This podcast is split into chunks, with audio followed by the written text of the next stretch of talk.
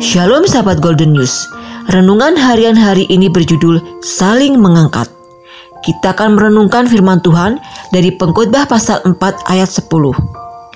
Karena kalau mereka jatuh, yang seorang mengangkat temannya, tetapi wahai orang yang jatuh, yang tidak mempunyai orang lain untuk mengangkatnya.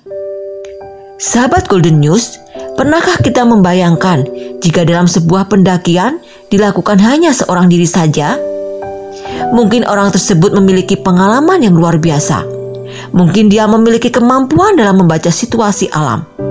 Mungkin memiliki peralatan yang sangat canggih. Namun, jika dia tetap melakukan sebuah pendakian dan sendirian, dan terjadi hal yang tidak diinginkan, lalu siapakah yang akan menolongnya? Ini menjadi gambaran dalam kehidupan kita bahwa sejatinya kita membutuhkan orang lain.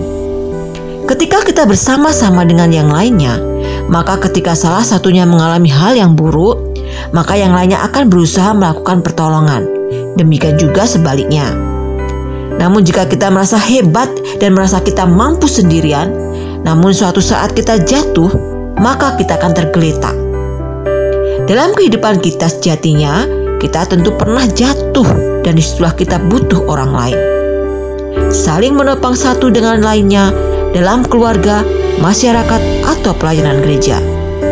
Lakukan langkah tepat dengan saling mengangkat.